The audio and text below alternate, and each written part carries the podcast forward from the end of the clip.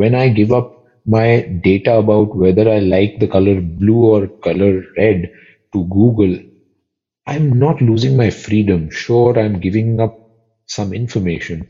But when you start to encroach in the space of money, right? And when you give up that freedom, I think that has a lot of fundamental impact. Then you are basically placing your entire life in the hands of the government and you're trusting that that government will safeguard. It.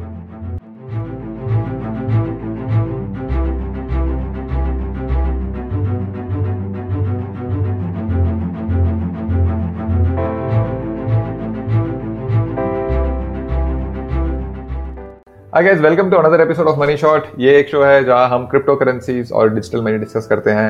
We are few friends we get on a video call ask each other questions discuss it argue about it and in the process learn more about cryptocurrencies and others so right now i'm on a video call with my friends vishesh and parikshit in this episode i want to ask vishesh about the anonymity of bitcoin so many people were so kicked about bitcoin are so kicked about bitcoin because it's anonymous your transactions are anonymous but is it really anonymous? How anonymous is it? So can you explain that? Yeah, absolutely. In fact, you know, the history of Bitcoin, uh, you know, half the time people talk about Bitcoin in a bad light. They talk about, you know, the Silk Road days when Bitcoin was used in the dark web for illegal activities and crime, to fund crime, etc., because it was perceived as being anonymous. But the fact is, Bitcoin is far from anonymous. It's actually somewhere in the middle, but let me explain, right? Like, so we've talked before Bitcoin is basically the other name for Bitcoin is built on blockchain technology. Now, blockchain technology is also known as distributed ledger technology. Distributed ledger means that this ledger, this accounts of the transactions that are performed on this blockchain or in this network are published on a ledger that is distributed and available to everyone. It's public knowledge. It's not like a bank's account or bank's database where I, I don't have access to my bank's database where I can see everybody's transactions. In the case of Bitcoin, you actually can. So it is not anonymous in that sense. What sort of creates that mirage of anonymity is that my name is not in that ledger, right? Like my name is not associated with the wallets between which that transaction is occurring.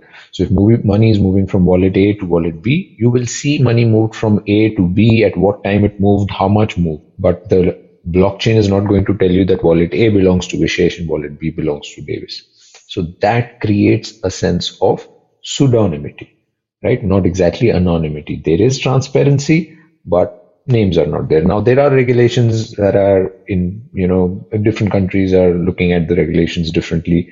Um, they're trying to introduce KYC already on, you know, leading exchanges in the world where you go buy your Bitcoin or any other crypto you need to do KYC. You need to, so that they can see, governments can track what you're doing, what kind of, you know, uh, investments you're doing, what buying and selling activity you're doing on the exchange, because they can associate a wallet address to you. That does not mean that the Bitcoin blockchain will start now showing my name against wallet A belongs to Vishesh. But if the government wants to go ask the exchange we just saw a transaction of wallet A to wallet B. Can you tell us who wallet A belongs to and who wallet B belongs to?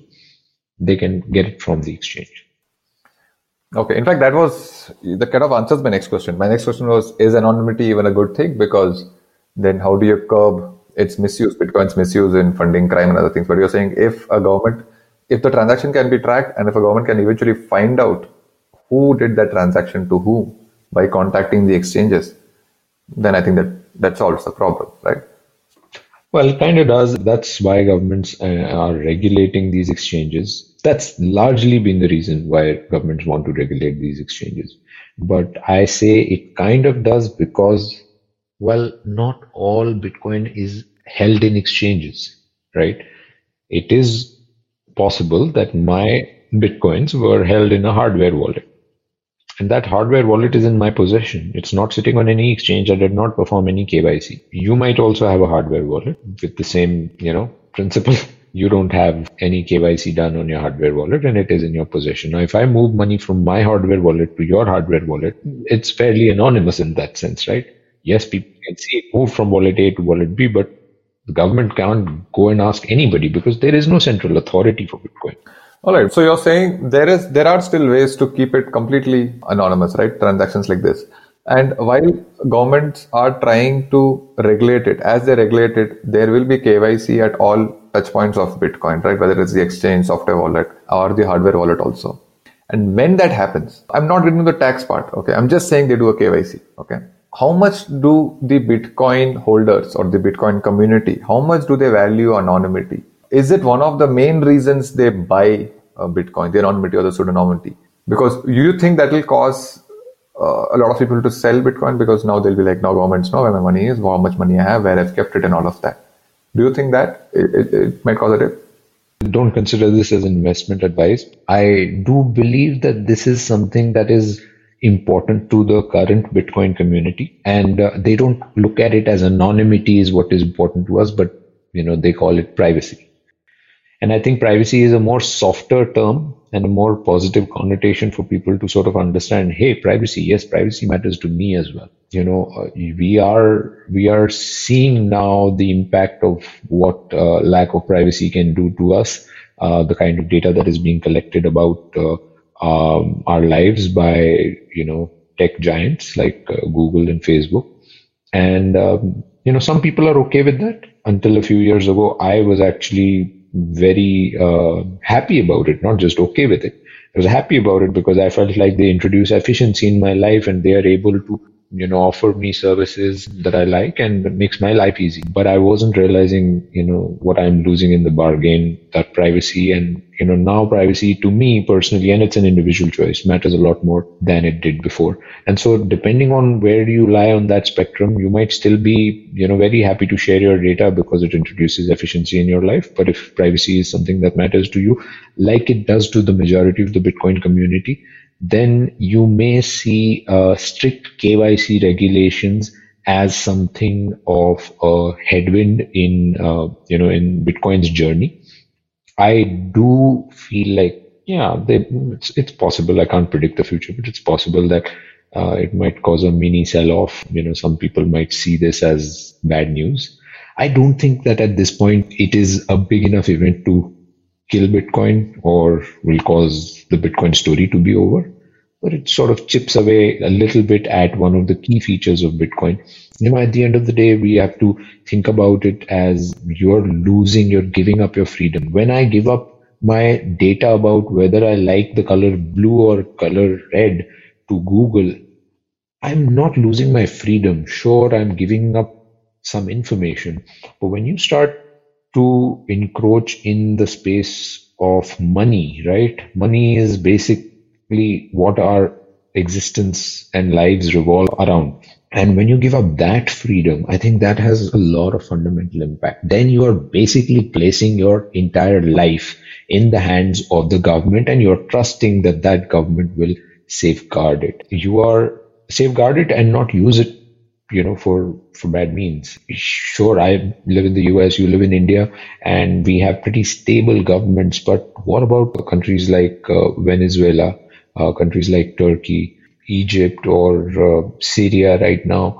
I mean these countries are having political disturbance and they've lost trust and faith in their governments so when if their governments were in control imagine what they can do. The next thing these governments can do is they can decide whether your money can even be spent or not. They can go ban your address and say, okay, I want to punish this community, right? I'm not putting ideas in people's heads, but you know, if they have a particular community who is uh, rebelling against the government, they can just identify them because they have everybody's funds, wallets, and they can, you know, seize their wallets and say, okay, these wallets will not be allowed to transact with any other wallet. So that you're giving away your fundamental freedom so when it comes to money, think of it like cash, right? Bitcoin is kind of like cash or crypto is kind of like cash. When I give you cash, nobody needs to know it. It's almost an anonymous transaction. Just you and I know it. I hand over cash to you in your hand.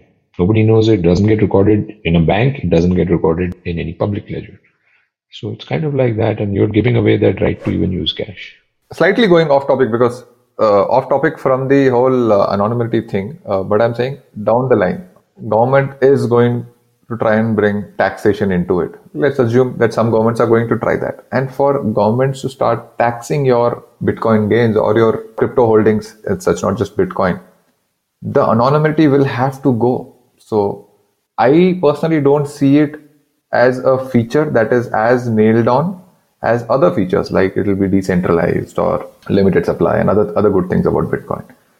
But I mean, taxation is going to come. We all believe that. Right now, not enough people are making money off it, so it's not there. But eventually, it's going to come. And we live in a country where government provides the services, so we have to pay tax on our capital gains. That's how it has been for so many years. I mean, you can debate whether the government is using your tax money properly or not. That's a separate discussion and out of scope of this particular channel, this particular YouTube or podcast channel. But end of the day, we have to pay taxes, and for taxes, if we have to pay taxes, it ha- the anonymity has to go. I agree. I mean, if, if that's what the governments want to do, they will probably introduce uh, KYC at all points. Uh, but this is what I think it'll end up at. There will be a strong community of people who don't want to give it up. And uh, if they have their Bitcoin in hardware wallets, there are thousands or probably million people who already have their Bitcoin in a hardware wallet right now. The government can't go back in history and ask. So there is already a lot of Bitcoin that is sitting in anonymous hardware wallets they can introduce starting from today every transaction will need to be KYC, but what, whatever sitting from the past can continue to be sitting. So then we kind of creating two parallel worlds. One in which there is Bitcoin that operates from one anonymous wallet to another anonymous wallet. And then there is another world in which all the Bitcoin wallets have been KYC. Anything new after such regulation gets introduced is uh, KYC. And if the government is interested in collecting taxes, they're basically interested in collecting KYC information for fiat on ramps and off ramps. That's basically points at which you can buy into convert your fiat into crypto and point at which you can convert crypto by selling it and converting it back to fiat. Those are the points where you're making capital gains and you are collecting taxes on those gains. Let us be clear कि हम आपको crypto currencies में invest करने को नहीं कह रहे हैं। हम बस इंफॉर्मेशन और हमारी ओपिनियन शेयर कर रहे हैं। अगर आपको क्रिप्टो करेंसीज में इन्वेस्ट करना है तो खुद से रिसर्च कीजिए और फिर इन्वेस्ट करिए। If you are listening to us on a podcast let me tell you that आप हमें यूट्यूब पर भी देख सकते हैं। यूट्यूब चैनल का नाम है मनी शॉट इसका लिंक शो के डिस्क्रिप्शन में आपको मिल जाएगा।